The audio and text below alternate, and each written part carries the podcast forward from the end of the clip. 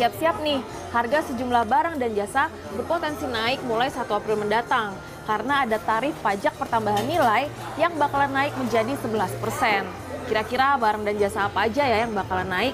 Jangan-jangan kopi yang saya minum ini juga ikutan naik harganya gara-gara PPN naik. Bukan, bukan. Itu bukan PPN. Makanan dan minuman yang disajikan di kafe dan restoran tidak dikenakan PPN karena bukan objek pajak PPN. Tax yang tertera dalam tagihan itu merupakan pajak restoran sebesar 10%. Sedangkan PPN atau pajak pertambahan nilai adalah pungutan yang dikenakan atas transaksi jual beli barang dan jasa. Pajak ini dikenakan kepada konsumen dan pemungutannya dilakukan oleh wajib pajak orang pribadi atau badan yang telah menjadi pengusaha kena pajak. Kemarin udah sempat baca-baca sih, tapi kenapa sempat eh kenapa naik-naik mulu sih apa-apa naik? Oh, baru tahu tuh Mbak. Barang yang kena PPN adalah barang kena pajak atau BKP, misalnya ponsel, mobil, motor, dan rumah. Begitu juga dengan baju di pusat belanja.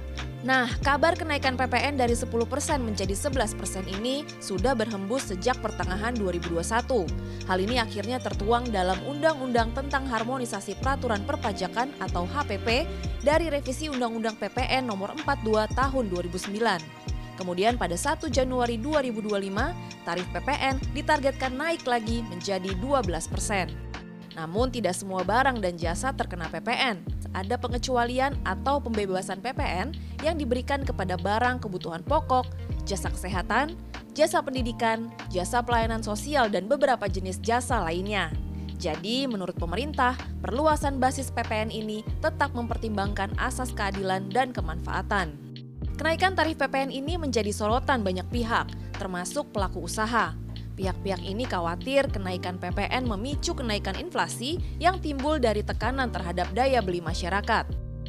Namun pengamat pajak Bawono Kristi Aji mengatakan saat ini adalah momentum yang tepat bagi pemerintah untuk menaikkan PPN. PPN ini justru adalah backbone dari penerimaan salah satu backbone dari penerimaan pajak kita. Menurut Bawono, kenaikan PPN sebesar 1% tidak akan memberi dampak besar terhadap perekonomian bila dibandingkan dengan kenaikan pajak penghasilan. Tetapi kenaikan PPN bakal menjadi mesin bagi penerimaan negara yang lebih optimal. PPN berperan strategis bagi fiskal negara karena berkontribusi hingga 40% terhadap penerimaan pajak setiap tahunnya. Desi Aritonang, Yudhistira Satria, Jakarta.